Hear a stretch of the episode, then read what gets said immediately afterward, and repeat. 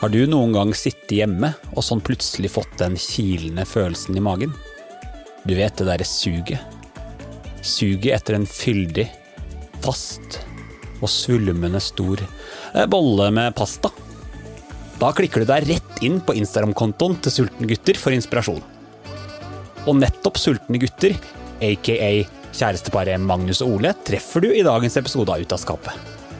God lytt, og kos deg med episoden.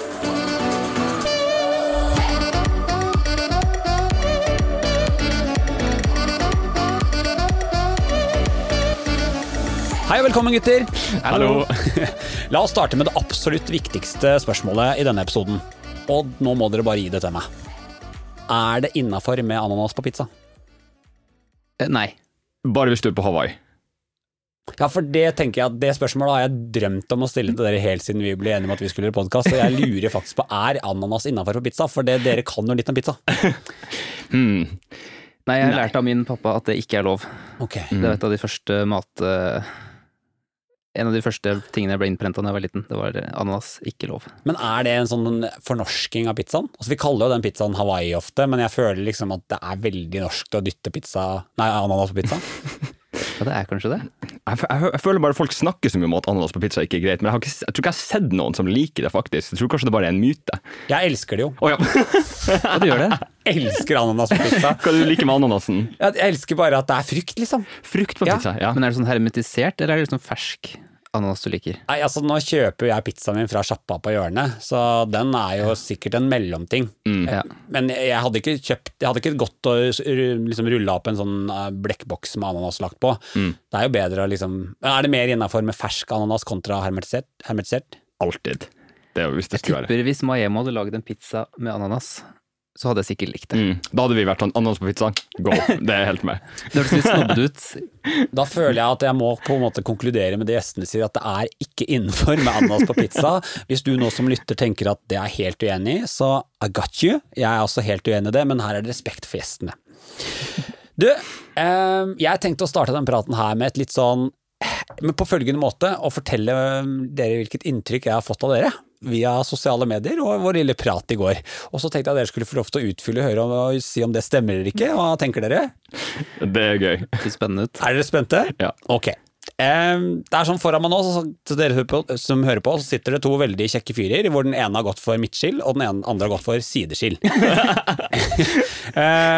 Og da, det sier meg noe at en av dere er litt sånn rebell som snakker rett fra hjertet, og den andre er en person som lar ordene liksom gå via hjernen før de kommer ut av munnen. Er det, stemmer det? Er det litt forskjell på dere? Ja. Det var en ganske god eh, beskrivelse, egentlig. Spot on. Ja. Og da er det sånn at For at dere skal bli kjent her, så er det én med sånn nordlandsdialekt, er det riktig? Jeg er fra Finnmark. Fra Finnmark, ja. Og det er da Alta. Ja, og navnet ditt er Ole. Oh, ja. Ole. Og så har vi en som har litt mer sånn, mer sånn sørpå, midt på østlandsdialekta, og det er da Magnus. Magnus er fra Fra Grue i Hedmark. Siden Ole la opp til at vi skulle si hvor vi var ifra, så måtte du Grue? Ja. Det er jo ikke Jeg så for meg sånn Oslo-gutt. Nei, egentlig fra Eller jeg er fra Grue. Jeg har bare ikke så veldig dialekt. Åh, det gjør meg glad. Det gjør meg glad. Her er det to gutter med hjerte for landet. Yes. Hvor lenge har dere vært kjærester nå? Um, snart fire år. Ja. Ja. Vi møttes vel for fire år siden. For Vi vi var på vår første date natt til 1. mai for fire år siden. Ja, Så. Ja, fortell meg hvordan Natt til 1. mai. Ja. Fortell meg hvordan dere traff hverandre. Altså, når du nå sier at det var natt til 1. mai, så vet jeg hvordan jeg pleier å være natt til 1. mai. Da pleier jeg å være ganske enkel å ha med å gjøre. Mm. Sier ikke at det gjelder dere, men hvordan var deres første møte? Eh, vi har jo to forskjellige historier der. Gleder meg til å høre. Vær så god, du Ja. kan begynne. Ok, Vi var på Elsker. Uh, jeg så Magnus på andre sida av dansegulvet og tenkte at det er den vakreste personen jeg har sett i mitt liv. Og så trodde jeg at han var 20 år, for jeg tenkte jeg har ikke sett deg på Elsker før. Så han må være, han har akkurat fylt 20, det er første gang han er her. Og så tok dere å prate med han, begynte liksom å snakke med venninnene hans, vi dansa litt, og så stengte egentlig klubben. Og så, ja. Så var jeg egentlig på, jeg var på tur å gå hjem til når kompisen min sa nå går du bort til han der. Og så sprang jeg og snakka med han, og da var det, sto du og snakka med sånn fire andre gutter, og jeg ble litt sånn satt ut.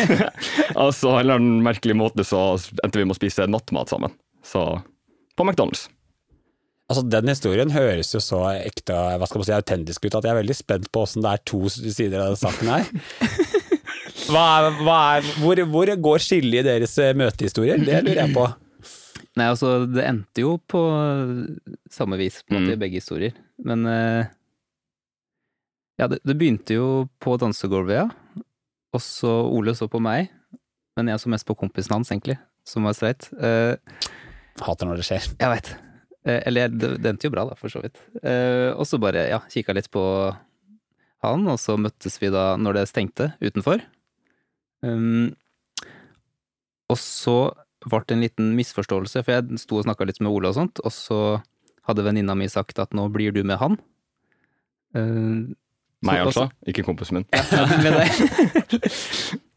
og så gikk uh, vi alle tre, jeg og Ole og venninna mi, liksom ut mot gata, og så tok venninna mi til venstre, fordi vi bodde på et hotell sammen da, og så gikk Ole til høyre. Uh, og da fulgte jeg til Ole, som jeg hadde fått beskjed om, for da trodde jeg at de to hadde avtalt det. Um, og da sa Ole bare Men du bor jo med henne, skal ikke du den veien? Og da sa jeg, fikk jeg litt sånn panikk, og så sa jeg eh, jo, men jeg er litt sulten, så jeg tenkte jeg skulle på McDonald's. Ja. Eh, og da fikk jeg henne med på nattmat. På McDonald's. Så, jeg, så det er jo vittig at deres nå ganske sånn kulinariske reise, som har nådd såpass langt, startet med mat på Mækkern. Ja, det er litt artig og litt uh... Det er jo mange historier. Mange har jo endt på Mækkern sammen etter en kveld på byen, så sannsynligheten der er stor. Men det er hyggelig fortsatt. Det var en god burger, det husker jeg. Ja, og så tenker jeg også det at jeg tror ikke Mækkern er klar over hvor mange de har fått sammen. På en måte. Altså, det har vært en, forening, en plass for forening for veldig mange par opp igjennom. Om det har vært korte forhold, eh, ennattsforhold eller videre forhold. mm. Ah, det var, jeg syns det var veldig trivelig å høre på, men det jeg lurer på da, var det litt sånn kjærlighet til første blikk? Siden du, Ola hadde liksom stått og kikket over eh, lokalet og tenkt at her skal det bli noe. 100 Det der var bare sånn Jeg vet ikke, det var sånn mista pusten-opplevelse. Jeg husker til og med dagen etterpå, da jeg gikk på skole, så kom jeg på skole og bare 'Herregud, du må se han her som jeg spiste nattmat med i går.' Og venninna mi bare 'shit, shit, shit'. Og så uh, fikk jeg jo melding av han, og han lurte på om vi skulle dra på date. Fordi det her var på en lørdag, så jeg dro på skolen på søndagen fordi det var eksamensperiode. Og så fikk jeg en melding av han der Og lurte på om vi skulle dra på kino. Og da var bare sånn, da datt jeg av stolen. så da, det var egentlig det. Så Ja. det jeg nå forstår, det var at det stoppa med nattmat. Ja. Ja, det glemte vi å si. Det stoppa med nattmat. Vi Ja, var sier- snille gutter og dro hvert til vårt. Dere var ikke sultne gutter akkurat da? Da var vi ganske mette. Ja, var, Jeg, jeg tror kanskje han prøvde meg, men jeg tror han var sånn mm, Nei, vi får se. Det var hyggelig. Da snakkes vi. Ja. men er han litt sånn? Litt tilbakeholden? Ja. Litt mer uh, rolig. Er kanskje litt mer impulsiv av meg. Jeg tror det stemmer. Mm. Jeg tenker litt mer først. Men det var, det var jo hyggelig, da. At liksom, det gjorde at man kanskje, at jeg kanskje ikke bare dro fra han dagen etterpå og var sånn Ja, nå er vi ferdig med det, skal vi se next. Men da lurer, jeg på, da lurer jeg på, Magnus, hvilket førsteinntrykk hadde du av Ole? Ja Nå var jeg litt full. Eh, og var egentlig mest ute etter kompisen der og da? Vi går til neste spørsmål. Nei, det, det jeg la merke til først, var at han var så sjarmerende. Uh, sjarmerende. Og øya hans spesielt la jeg merke til. Det var veldig snille øyne.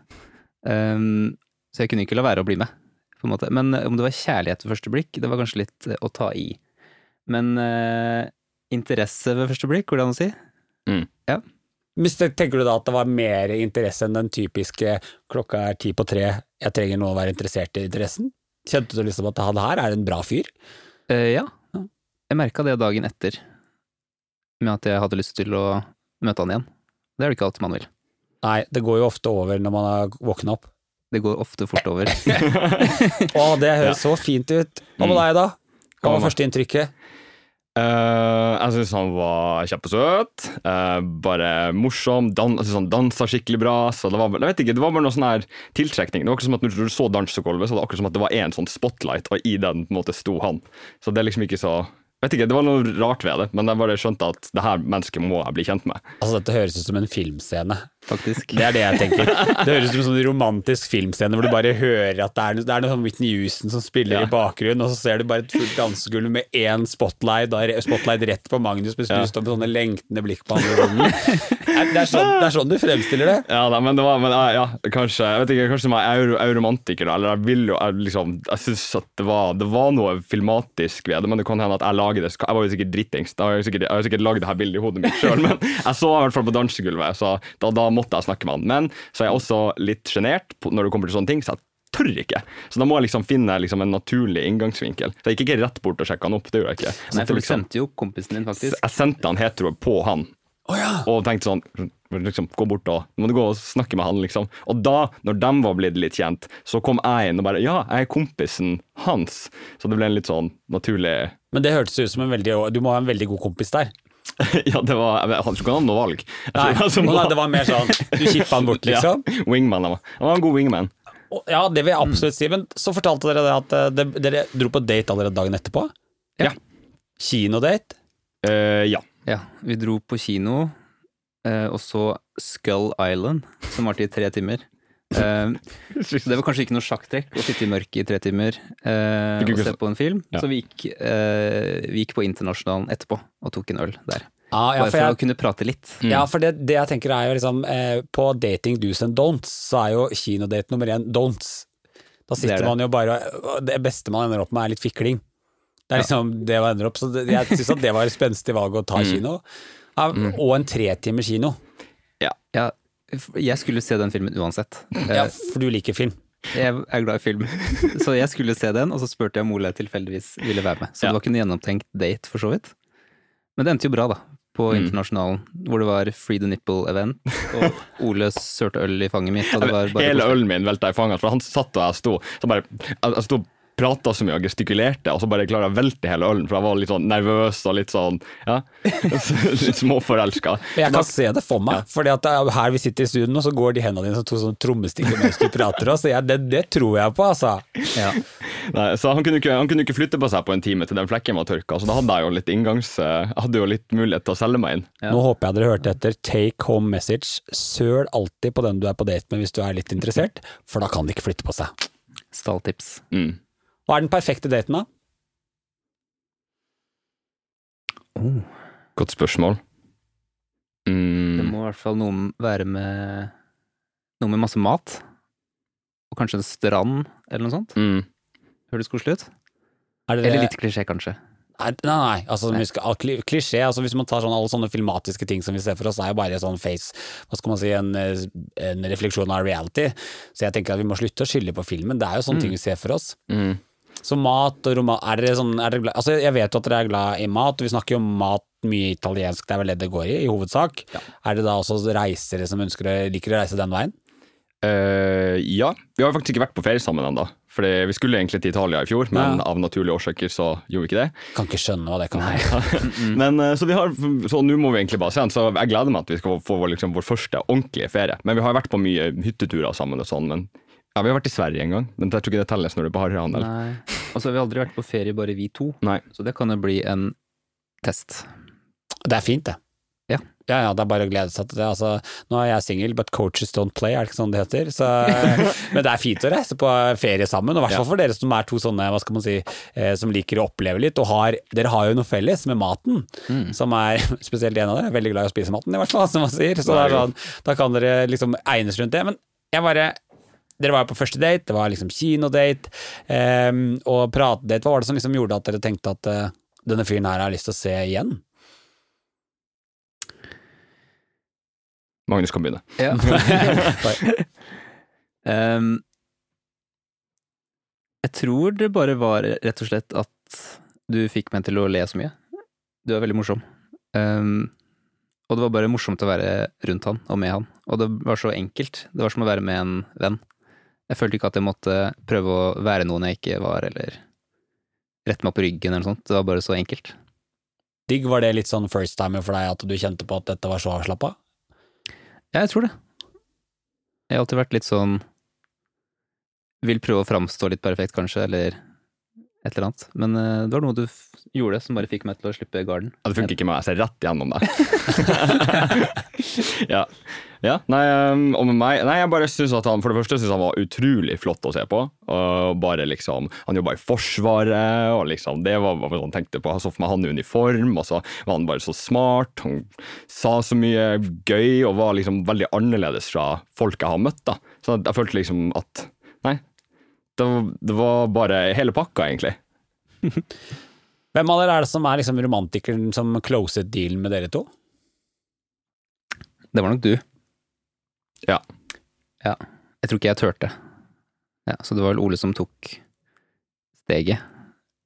Tror jeg. Så Når du spurte om vi skulle bli sammen Ja, Ja. var ikke det? Jo, fordi vi, vi, Magnus bodde jo ikke i Oslo da, så han, var, han jobba i Forsvaret og liksom kom til Oslo i helgen. Så det var ganske sånn naturlig. Han kom til Oslo, da sov han hos meg, og så dro vi på date i to dager, og så dro han bort igjen. Og så fikk vi liksom sånn helge på helge der vi liksom bare gjorde mors veldig morsomme ting. Så hele uka så var vi opptatt med jobb og skole og sånne ting. Og så på sommeren så dro vi på en hyttetur sammen som, da vi bare fikk hengt sammen i liksom to uker. Og da, etter det så tror jeg jeg spurte deg en taxi, også på byen. Jeg tror vi dro fra et utested til et annet. så bare sånn, Skal ikke bare blitt kjærester, da? Jeg husker ikke akkurat den scenen. Men Men ja, jeg vi tror, ble jo sammen, så det, noen spurte noen, i hvert fall. men jeg tror du sa litt sånn Du svarte på spørsmålet litt sånn mm, Ja, ja, det høres ja, mm, bra. Du ble, du ble ikke lurt inn i det, du var, det var samtykke. Det var et samtykke, men jeg måtte jo tenke litt. Et par sekunder. Og jeg tenkte jo ikke, jeg bare sa det jeg tenkte. Jeg bare sa det jeg ville. Men reflekterer det litt personligheten her også? Litt rett ifra hjertet ut via munn, og en via hjertet opp via hodet og så ut gjennom munnen? Mm. Det høres jo ut som en veldig god kombo med dere to. Det er jo det er, er det ikke Det er liksom noen som, eh, noen som drar, og noen som holder igjen, og det Jeg, jeg tenker at det lukter jo suksessoppskrift, i hvert fall på Instagram. Ja, altså jeg tror det er en fordel, men eh, det er jo en ulempe innimellom også, når vi diskuterer eller eh, Eller krangler, som det heter. Veldig Kanskje. forskjellige argumentasjonsteknikker. Jeg bare kjører på, og han sier ingenting. Han bare ser på meg. Nå krangler, vi ikke så, krangler vi ikke så ofte, da. kanskje litt mer nå i korona, så har det blitt litt sånn sm småting her og der, som bare er litt sånn helt uviktige. Men da har jeg liksom Jeg tenner på pluggene, og han bare får meg til å tenne på pluggene. Men eh, hvordan merker dere at noen ting er eh, At noe ikke er helt på topp i forholdet deres? Um, jeg merker det veldig fort på Ole, fordi han sier med en gang hvis det er noe som er feil. Uh, eller han du, du er jo ganske emosjonell, så du- øh, Mm. jeg merker det fort på Ole hvis det er et eller annet. Hvis jeg har noe problem, så ja, jeg bare, jeg bare sier det. Så snakk om det. Snakk om følelsene mine ofte. Så du Magnus slipper på en måte å hale og dra det ut for å finne ut at du får vite det? Jeg får vite det. Ja. Det er nok heller han som må dra det ut av meg, Ok. eh, dessverre. Ja, det, ja, men er det noe du syns er vanskelig med det, Ole? Syns du det er vanskelig å liksom skulle lirke ut ting, siden du er så direkte? Uh, ja, det er jo det noen gang. Fordi, jeg kan jo lese på kroppsspråket hans veldig lett hvis det er noe. Da ser jeg liksom at personligheten hans endres litt, han er litt kortere i svarene. Og så vet ikke, Han må være en litt sånn annen måte å prate på. Så da må jeg liksom, da må jeg jobbe litt. Og så kanskje vi krangler litt, og så blir vi kjempeglade i hverandre etterpå. Så det er alltid en sånn runde vi tar. Yes. Ja, for det lurer jeg på, liksom, åssen håndterer dere to det som Altså som en enhet, da. Åssen håndterer dere to de kjipe tingene? For det jeg opplever i hvert fall eh, for min egen del, at de gangene jeg har vært i et forhold, så er det sånn at de gangene det går dårlig, så blir jeg så utrolig da, Det er sikkert naturlig, men jeg blir så utrolig sånn usikker og tenker nei, nå er dette over. Eller nå er dette kjipt. Eller nå er jeg ferdig, og nei, nå går ikke dette. Så begynner man å liksom eh, se videre på nå skal jeg gjøre noe annet i livet mitt. Hva er liksom deres sånn greie for å, for å ordne opp? Hvordan blir dere så Mhm. glad i hverandre igjen, som du sier, Ole? Jeg gir meg ikke før vi er kommet dit. Om så det, Hvis vi har hatt en uenighet klokka ett på natta, så skal jeg prate til klokka tre til vi er ferdig. Ja. Er du, er, hvor er- irritert er du i løpet av det der? Jeg kan bli veldig irritert. Men det er veldig deilig å, få, å bli ferdig med det, og få det ut. Fordi ellers så blir man jo bare gående og ulme på et eller annet. Mm. Eh, Så det er veldig deilig, men veldig uvant for meg. Men jeg trenger en sånn person som kan dra det ut. Altså, jeg, lik, jeg liker i hvert fall tanken på det der med å gjøre seg ferdig med ting. Mm. Jeg, jeg tror det er fint fordi at eh, jo lenger man liksom holder på noe, det kan det gjelder jo ikke bare gjelde i parforhold, men eh, seg imellom, så blir det bare en større sak. Da kan en bitte liten ting Altså sånn som den evige tullegreia der folk er sure fordi at man henger dorullen inn og ut, liksom. Hva er det man skal gjøre? Så er det sånn, hvis det blir et irritasjonsmoment som gjør at du får lyst til å gjøre det slutt med kjæresten din, da har man jo et kommunikasjonsproblem. Ja. Helt klart. Men, men jeg liker ofte, i hvert fall hvis vi diskuterer, så liker jeg ofte å altså, Vi kan bli krangle om én ting, men ofte så handler det ikke om den tingen. Det er noe annet, kanskje noe dypere som ligger bak. Så jeg prøver ofte å liksom komme til bunns i ok, hva er det egentlig det her kommer fra? Hvor er liksom de følelsene? Har det med usikkerhet å gjøre? Har det med noe annet, liksom? Har jeg sagt noe feil da og da? Og så vil jeg liksom jobbe meg litt tilbake bak den, liksom det som førte til den hendelsen. da. Og Det syns jeg kan være digg, for da føler jeg at vi lærer ganske mye om hvordan hverandre fungerer, og lærer veldig mye om seg sjøl òg. Jeg lærer veldig mye av meg sjøl når jeg prater med ham, fordi han sier ikke ofte så mye. Så det er sånn at jeg, det er som om jeg har en sånn terapisession med meg sjøl, der jeg må på en måte jeg finner ut av ting ved å prate om det høyt. Ja, det skjedde flere ganger. At jeg bare sitter og nikker, og så bare Ole kommet fram til konklusjonen av seg sjøl. Og da er du jo ofte fornøyd med svaret. Da er jeg veldig fornøyd, jeg. Han har ikke sagt noe. Men altså, jeg kan jo personlig kjenne meg litt igjen i Ole. Eh, Jeg er samme typen, og jeg bare tenker at eh, ofte så har jo vi som har mye på hjertet, eh, som vi trenger å få ut via munn, eh, ofte en løsning etter hvert. Det tar bare litt tid å komme dit. Men det er jo også ganske Jeg, jeg er imponert over hvordan dere to funker så bra sammen, som egentlig er såpass forskjellige på kommunikasjon. Hva, er, hva tenker dere er liksom nøkkelen til å funke så bra sammen når man er så egentlig litt sånn grunnleggende ulike, eller er det egentlig noen verdier der i bånn som gjør at vi faktisk er likere enn vi tror? Jeg tror vi har ganske like grunnleggende verdier, selv om vi er forskjellige. Du er veldig ekstrovert, jeg er veldig introvert. Eh, Jeg tror det bare handler om å, å respektere at man er forskjellig, og forstå det. Og ikke prøve å tvinge den andre personen til å være sånn som deg, men heller prøve å komme personen i møte. Mm. Og bare ja, du er forskjellig, og sånn er det. Mm, mm. Ja, prate mye sammen. Jeg føler sånn, jeg tror ikke jeg kunne vært i et forhold der jeg måtte late som jeg var noen andre enn jeg var. For meg er det veldig viktig å kunne liksom 100% bare eksponere alt, både det gode og det dårlige. Og så kan man heller da ta en avgjørelse sånn som ganske tidlig i forhold, så la åpne jeg liksom opp om det her er mine gode sider, og det her er mine dårlige sider. Så vil du ha Her er liksom pakka. Her er pakka. Her er pakka. og så da får man heller ta, i stedet for at man skal liksom leke så perfekt, og så finner man ut av ting etter hvert som man kanskje har holdt skjult, så syns jeg det er bedre å bare, bare si det. Og gjerne så hjelper det jo kanskje med et par glass vin når man skal liksom ta opp et par temaer. Så det er jo det er hyggelig, det. Ja, altså, men hvordan er det Det er jo jeg litt spent på, da. fordi jeg, man, ofte så er man så opptatt av å bygge fasade, gjerne i begynnelsen av dating, og når man går inn i et forhold at eh, nå skal du liksom få det beste av meg. Eh, men hvordan er det på en måte å være sammen med en som bare la tingene på bordet? Dette er pakka, liksom. Var det rart, eller syns du det var ok? Det var jo litt rart, men det var også veldig deilig. For det er jo sånn man vil ha det. Men man er jo redd for å gjøre det. Så jeg er veldig glad for at Ole turte å gjøre det først, for da var det jo enklere for meg å gjøre det samme etterpå. Tror dere at eh, Hva skal jeg si? Tror dere at eh, homofile gutter er litt for opptatt av fasade? Det, er, det, er, Ja. kan, det kan være både generaliserende og stereotyping. Og, Generaliserende, ja. Satt på kornet, absolutt. Kanskje ikke liksom alle grupper, men jeg tror en del grupper. Har, man har jo god, sikkert god økonomi, ingen barn, masse fritid, og ja, at man kan liksom Du har råd til å gjøre en del ting, så jeg føler kanskje det man opplever fra Instagram, at alt ser så strømlinjeforma ut, det ser så perfekt ut. Det, alt virker så ja, flott, egentlig. Og det tror jeg kan være skadelig hvis man tar det med inn i forholdet. Hvor komfortable er dere med å vise, kjære, eh, vise kjærlighet offentlig? Du kan svare først, du. Medium, vil jeg si. Mm. Altså, jeg syns det er gøy å ta handa til Magnus noen gang, men jeg kjenner at jeg slapper ikke like godt av, bare sånn av instinkt. Selv om jeg vet at det er helt greit, vi liksom bor i Oslo, null problem. Men det er akkurat som at det, det er noe som knyter seg litt når jeg tar handa, mens jeg prøver liksom å bli bedre og pushe meg til det.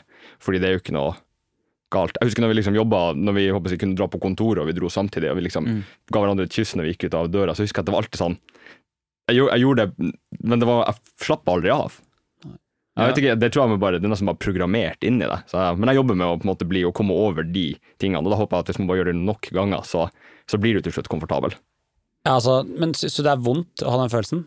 Uh, ja, men det er jo bare, min, det er jo bare følelse inni meg, så det går jo ikke utover han. Jeg kan jo ha hvilken følelse jeg vil, men jeg syns det er viktigere at vi kan holde hender.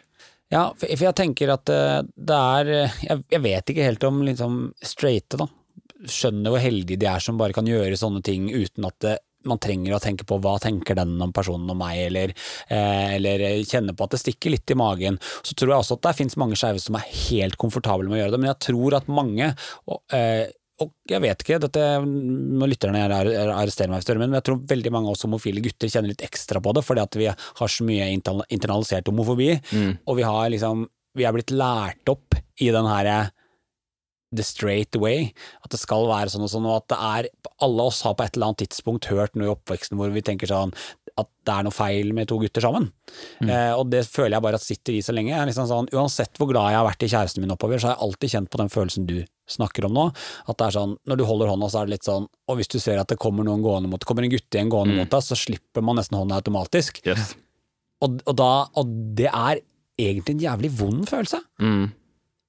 Er, hva med deg, Magnus? Er det, hvordan er det med offentlig kjærlighet? Jeg føler på det samme. Uh, men så har jeg tenkt på at kanskje det egentlig hadde vært det samme om det hadde vært en jente. At det bare er det faktum at man kysser eller viser følelser offentlig som jeg synes er ubehagelig. Men veldig unorsk ved det. Public play of Ja, jeg er liksom ikke noe glad i å vise følelser uansett. Eh, Jeg liker ikke å stå og grine på gata, for eksempel. Så det kan hende at det bare er det faktum, at det er en følelse du viser. Altså, det er ikke, egentlig, at det er en gutt. det er ikke liksom den skeive opplevelsen, det er egentlig bare opplevelsen. Ja, det er bare en uh, teori jeg har. Mm. Jeg har ikke fått testa den i uh, praksis, men Det kan vi få sett på. jeg. Hvis det er noen jenter der ute, så kan jeg prøve. Jeg tror du har et godt poeng der, det kan være begge deler. Jeg tror dette er, altså øh, om det er internalisert homofobi eller om det bare er generelt fobi mot affection, Mm. så Vi får dra til Spania, da, så får vi teste det der. Hvis det er annen kultur. Spania? Ikke, et annet land, bare, med en annen okay. kultur. Ja. Ja, altså jeg har jo da vært eh, to måneder på Gran Canaria, jeg kan si at det er et helt annet eh, Det er en helt annen kultur. Det er derfor du er så brun. Veldig bra. Er så, derfor jeg er så brun. Det er ikke Sofie Elise Glød. Nei, det, nei men det, den har jeg prøvd. Den er ikke så lur hvis du har skjegg. Det, nå er jo dere ganske glattbarbert, så vidt jeg kan se, men jeg vil bare si at hvis du har skjegg, eh, Sofie Elise Glød, du får oransje skjegg. Og hvis du vil ha det, så er det fint, men utover det, ikke gjør det. det Veldig gøy. Um, opplever dere som same sex, altså kjærestepar, noen utfordringer knytta til det? Er det sånn Det kan være helt sånne juridiske ting, det kan være helseting. Det er liksom Ja. Hmm. Ikke som jeg kommer på akkurat nå, Mm -mm. faktisk. Jeg kan ikke huske sist vi hadde en utfordring med å være et par. Nei. Jeg tenker egentlig bare fordeler. Hva er de fordelene, da? Vi, er, vi har samme klesstørrelse på alt. Så Ja. vi har bare ett felles klesskap, vi har ikke hvert vårt. Åh, det er jo drømmen. Det er veldig deilig. Han har litt lengre bein enn meg, da, så de buksene hans de vasser litt, og han får litt sånn høyvannsbukse, men det, det, det er vel kanskje det eneste. Det, det er jo så Den største fordelen med å være sammen med dere er egentlig at dere har felles klesskap. ja, pretty much. Faktisk. Det er en bra agreement, vi sparer penger. Jeg tror veldig mange straighte couples, stort sett hvis de da har en damegarderobe og en herregarderobe, ikke skjønner hvor fordelaktig det er å være to gutter eller to jenter sammen. Mm. Det er bare fordeler hvis man er, har, bruker samme klær. Og hvis ikke, så er det alltid en som kan gå i litt mer loose, Mm. Mm, og en som liker det litt tightere. det er sant. Ulempen er kanskje at vi ser veldig like ut innimellom.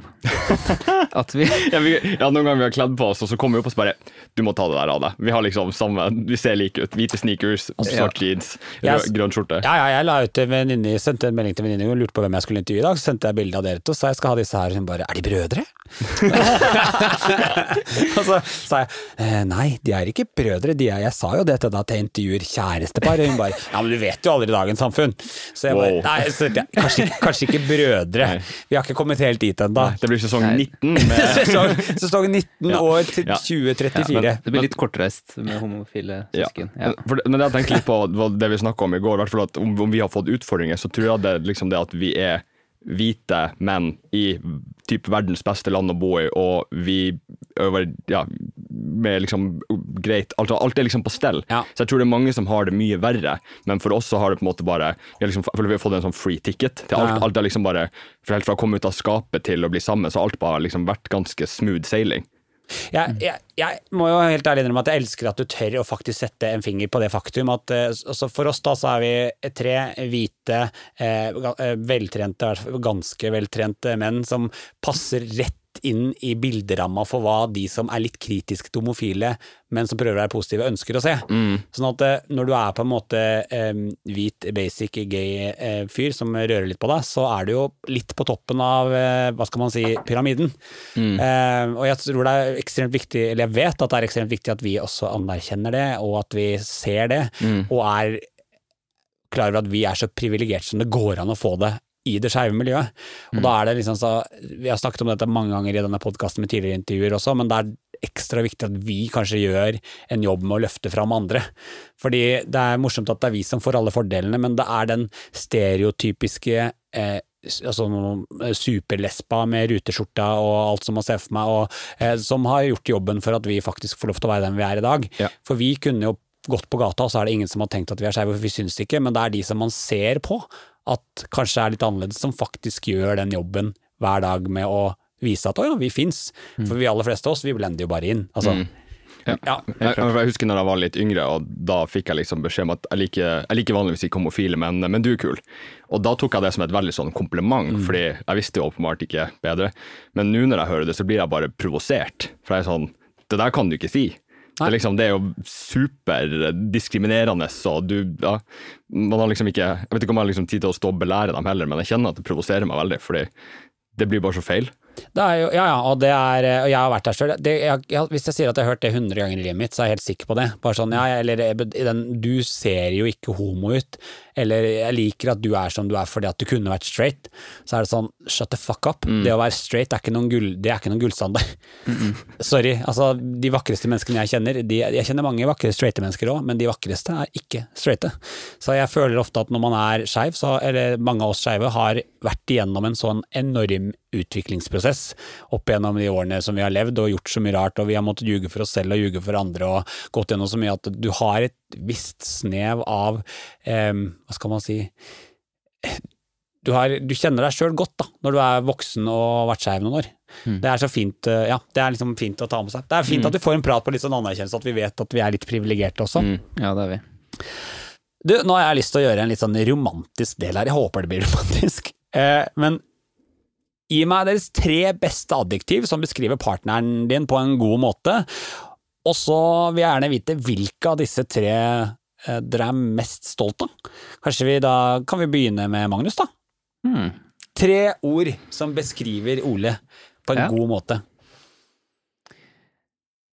Først og fremst morsom. Som sagt så var det litt det jeg falt for første gangen. Um, får meg alltid til å le. Mm.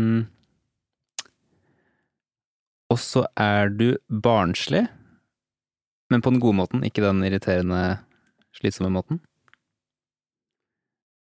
Og så er du emosjonell, som jeg setter veldig pris på. Altså, morsom. Vi må pirke litt i disse tre årene. Det er viktig med god stemning. Mhm. Er han en sånn som kan løfte deg opp hvis du er litt nede? Ja, ja.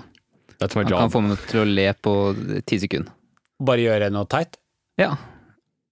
Bare ta på seg en eh, kjole og springe rundt eller et eller annet. Han gjør så mye rart. Leke en hund eller en hval eller et eller annet. Eh, Ordspill. og ordspill, ikke Er det da gode ordspill, eller er det kleine ordspill? Nei, de verste. Det, oh, ja. Ja. Det er som regel de laveste av de lave. Mm. jeg elsker å sende han memes. Jeg sitter og, På kvelden sitter jeg alltid og ser på memes, lagrer de, venter til dagen etterpå, og så sender de meg sånn en på jobb. Så han skal, jeg vil at han skal le. Ja. Så, Jeg får sånn jevn tilførsel av memes, Ja. så det er litt gøy. Men jeg tenker at det, den beste kommunikasjonen i et forhold er memes-kommunikasjon. det er jo det er, det er helt unikt. Men hva legger du i barnslig, da? Ja, kanskje det går litt på det samme, egentlig. Det at han eh, Ja, han kan bare Plutselig mens vi ligger i senga, så kan han finne på å uh, bjeffe eller uh, rulle rundt og leke et eller annet dyr. og det setter jeg veldig pris på. At Fordi, det det- kan jeg føler være meg så så eksponert.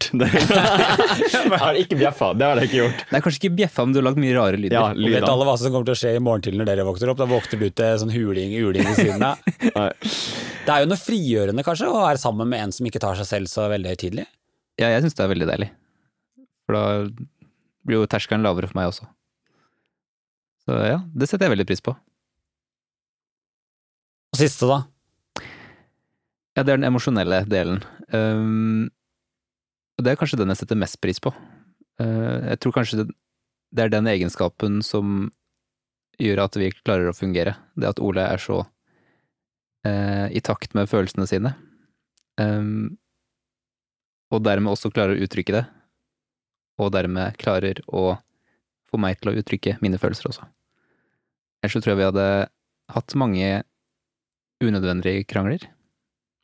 Hvis ikke han hadde vært så flink til det. Du tenker at det gjør det enkelt å være sammen med han, da, eller? Jeg vet hele tida hva han føler. Jeg skal bare notere det er ned dette her, for det høres jo helt fantastisk ut. Det var sånn take home message til eh, Sølve, og til dere som hører på.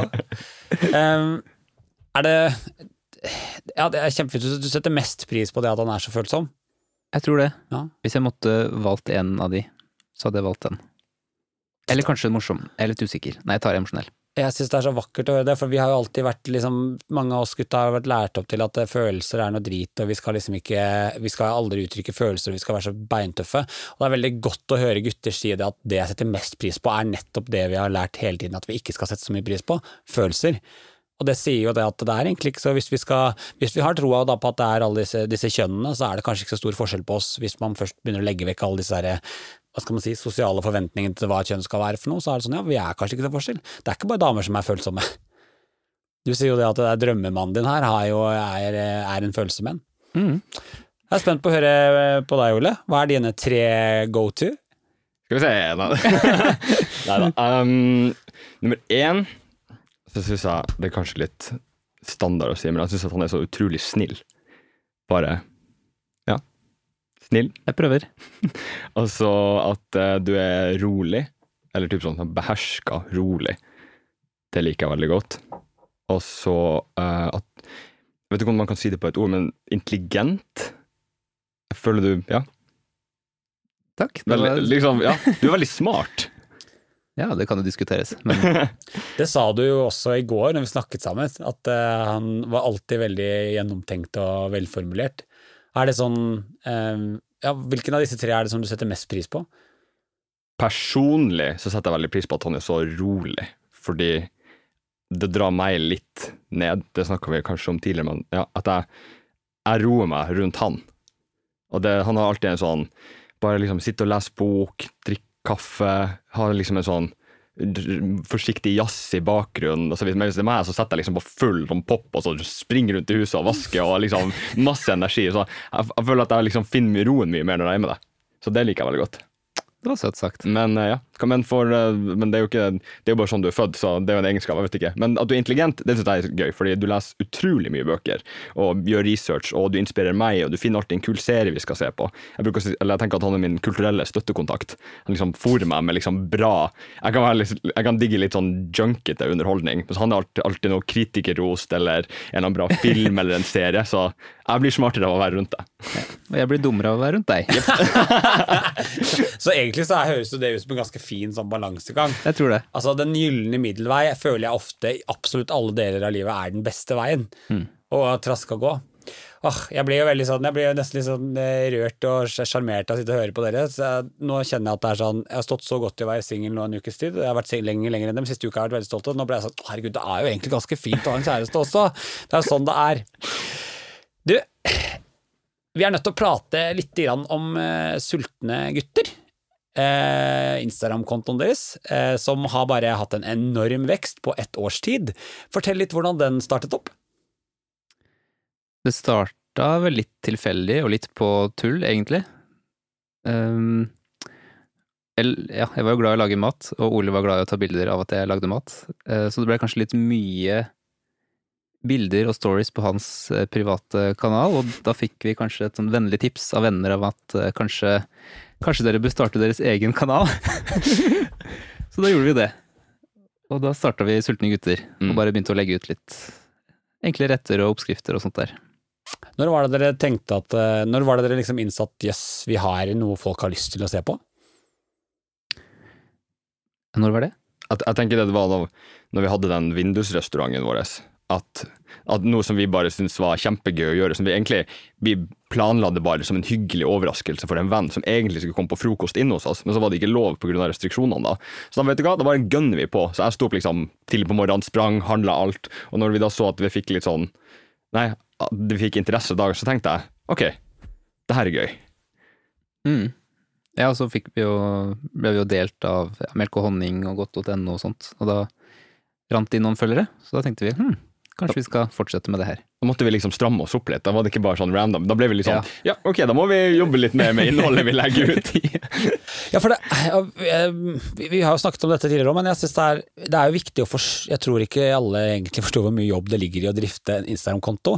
Uavhengig om du har få eller mange følgere, så er det sånn hvis innholdet ditt skal være godt, så går det jo en del timer. Mm. Hvordan er det for dere som par å, liksom denne, å drive en liten side business sammen? Er det lys, er det fint, eller er det utfordrende, eller er det liksom Ja, det å dele en interesse som dere gjør, da, åssen påvirker det forholdet deres?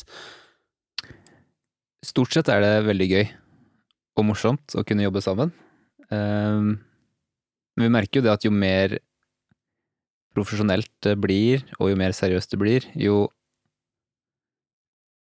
jo mer blir det også litt sånn hissig stemning mellom oss innimellom. Fordi det blir så seriøst, og da er det ikke bare lek og gøy lenger. Ehm, og det er fordeler og ulemper med det, på en måte. Jeg, altså jeg holdt på i 2020 og totalt miste gleden av sosiale medier fordi jeg ble så opphengt i algoritmer og feed og eh, at det måtte se sånn og sånn ut, og plutselig så ble jeg sånn som begynte å lese statistikken, du vet når du kan trykke på bildet og dra opp, så er det sånn at denne reacha ikke så mange, og det var ikke så mange som så ifra utforsk og sånn, og det følte jeg for meg tok liksom vekk gleden av sosiale medier, og det følte jeg også at da ble ikke liksom innholdet så autentisk heller, fordi at jeg begynte å produsere innhold for jeg så at å ja, dette vil folk ha, men det var ikke nødvendigvis det jeg ville gi. Så jeg tenker at eh, man må, selv om man liksom begynner å bli profesjonell, ikke glemme at det folk vil ha er liksom ektehet, da. Så jeg syns jo dere klarer dere bra foreløpig. Så er det, og til og med reklameinnholdet deres syns jeg er såpass interessant at jeg gidder å legge inn en like. Det er godt å Det er bra, det er viktig. Da blir annonsørene glad, vet du. ja, da blir, ja, men da blir, da blir dere glad også. For jeg slår et slag for alle som klarer å tjene penger på sosiale medier, når man vet hvor mye jobb det ligger bak det. For det, det, det er For dere kunne det nesten ha vært en fulltidsjobb hvis dere skulle gjort dette her, i hvert fall for en av dere, og da må folk vite at dere jobber også fulltid ved siden av, har andre ting å gjøre. Så jeg bare, ja, shout-out til dere for å holde på med å holde det gående. Men hva vil dere med Sultne gutter? Hva er målet deres? Det må du snakke med manageren vår om. Nei da. Jeg, jeg føler at det har gått så fort at det som starta på tull, plutselig ble det seriøst. Så for meg så har jeg nesten ikke rukket å tenke hva jeg drømmer om før vi har gjort før vi på en måte har oppnådd det. Sånn at jeg, ligger liksom bak alt som skjer hele tida, og så bare må man bare prøve å kave i Holde hodet over vann. Holde hodet over vann, ja. Ja. Men nå har vi jo en del morsomme prosjekter på gang. Um, og så håper jeg det kommer mange flere. Ja. Men målet, hva er målet? Det er kanskje å inspirere folk til å spise mer god mat hjemme. Og skape hyggelige øyeblikk rundt bordet. Med de man er glad i. Å, godt sagt. Hørtes litt romantisk Ja, men- og klisjéaktig Men det er, jo det, det er jo det vi gjør. Altså, det er jo, grunnen til at vi starta også Instagrammen, var jo for at jeg ville jo dele Jeg tenkte sånn Folk må vite om den maten her. Det, det er jo dritdigg. Så vi måtte liksom putte det et sted, og nå så vi at andre likte det. Og bare det at liksom du kan liksom bare slenge på en duk og så tenne noe lys, og så har du plutselig en helt annen vibe hjemme. Det tror jeg folk har glemt litt. Altså, i går bestemte jeg for at jeg skal kjøpe meg hvit og rød rute til duk. Jeg har ikke engang spisebord å ha det på, men jeg skal, ha det, jeg skal legge det på det lille runde bordet i havet. Du kan ha det i vinduet. Ja, jeg sitter jo bare alene og spiser likevel, så jeg skal ha sånn lite sånn rødt bord med rute til duk på, så skal jeg ha ett lys, så skal jeg ha sånn uh, Lady Landstrykeren-situasjon for meg selv. Mm. det Veldig hørtes litt trist ut. Ja, men, det er jo, ja, det, men det er jo bare gøy å gøy å bare kunne liksom drømme litt og tulle litt. Jeg, jeg, jeg bruker ordet fjolle. Elsker å fjolle. Når du bare liksom styrer og dekker og inviterer og vin i glassene og liksom god stemning og bilder på Instagram, og det er så bra ut. Og så neste dag så kan du gjøre noe helt annet igjen. Det er en veldig sånn kreativ, morsom prosess å gjøre alt. Og så lager han maten som passer til det, eller jeg gjør det som passer til For det er en som lager og en som spiser. Uh, ja, jeg spiser alt. Han uh... Jeg lager maten, og du lager stemning. Ja da. Jeg lurer på en ting, er han sånn som går og pirker i, i kjelen? Og og eh, smaker. Ja? Ja. Mm. Ok, blir du stressa der, går det greit? Jeg blir mest stressa for at han skal brenne seg, for han er veldig dårlig på å blåse på maten og sånn, så det er sånn Tar øysa nedi og bare kjører den i munnen, og så brenner den seg, og så blir det kjefting og smelling. Og så sier du alltid 'nei, det er ikke salta'. Jeg, bare sånn, jeg driter i det, jeg skal bare smake.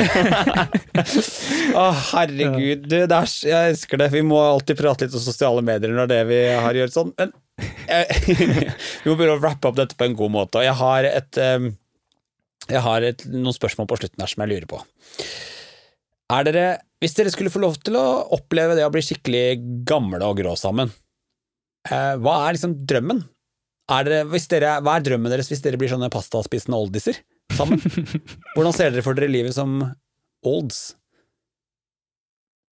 Ja. Jeg tror du har planlagt uh, framtiden vår mer. Ja, ja, jeg, gud, jeg vet hva vi skal gjøre når vi er gamle. Så det, men men det, det er veldig sånn materialistisk ting å si, men jeg har liksom lyst på et hus på landet som er ikke for stort, ikke for lite, akkurat passelig, der det liksom, det er gjesterom, så vi kan få venner på besøk, en hage som er håndterbar, og, og det. Men så er jeg ganske rastløs. Jeg tror jeg må ha, være i byen også. Så da hvis vi kunne hatt en leilighet i byen også og så et lite sted i Italia. ikke så store greier, men bare sånn det er bare så vi kan liksom reise litt. Og da vil jeg bare si, dere annonsører som vurderer sultne gutter nå, bare give them money, they need it. Og et hus i Italia. Men, men hvis det blir for mye, så tror jeg bare landet hadde vært hyggelig. Det er bare, ja, bare liksom kunne stå på og ta seg en kopp kaffe og sitte på verandaen. Jeg elsker regn. Sitte under tak og bare høre på at regnet fosser ned og se på fin natur. Da tror jeg du blir lykkelig. Deg, da, Hva tenker du, Magnus? Det hørtes veldig fint ut, alt han sa. Um, om vi klarer å eh, få til alt det, blir jo vanskelig å se, da. Mm. Eller det blir spennende å se, mener jeg. Men jeg vil egentlig bare slappe av, jeg, når jeg blir gammel. Åh, godt sagt. Og Ja. høres, altså dere, det, om dere skulle være så heldige å få bli gamle sammen, så tenker jeg det er en perfekt kombinasjon, for det er lett å slippe, slappe av i alle disse materialistiske tingene som Ole ønsker seg. Der er det store muligheter til å slappe av. dere kommer til å slappe av hele året. Det hadde blitt så deilig. Ja. Du, hvilket råd er deres beste råd som dere vil gi til de som hører på for å ha det så bra som mulig sammen, eller for så vidt med seg selv? Det var jo litt om det som vi snakka om tidligere, men jeg syns at ja, være ærlig og på en måte være, og tørre å være åpen om usikkerhetene sine og følelsene sine, og hvis man klarer liksom så langt det lar seg gjøre å slippe garden sin litt, så tror jeg det kan være en veldig fin ting. Det er i hvert fall enklere når du vet hvor du har folk, og vite hvordan du skal oppføre deg rundt dem. Mm. Og det å forstå at man er forskjellig. Det er sjelden man finner en person som er helt lik. Eh, Så det handler bare om å, å komme den andre personen i møte. Sånn som vi to er jo veldig forskjellige, men vi respekterer at vi er forskjellige. Og da funker det. Mm. Jeg har ingenting å tilføye, jeg syns det var helt supervakkert, jeg. Det- jeg, jeg gir det ti av ti, og det gjelder jo både i parforhold og i absolutt alle relasjoner, om det er relasjoner til venner eller foreldre eller eh, naboen. Det, er- det syns jeg var veldig vakkert eh, sagt, boys. Thank you.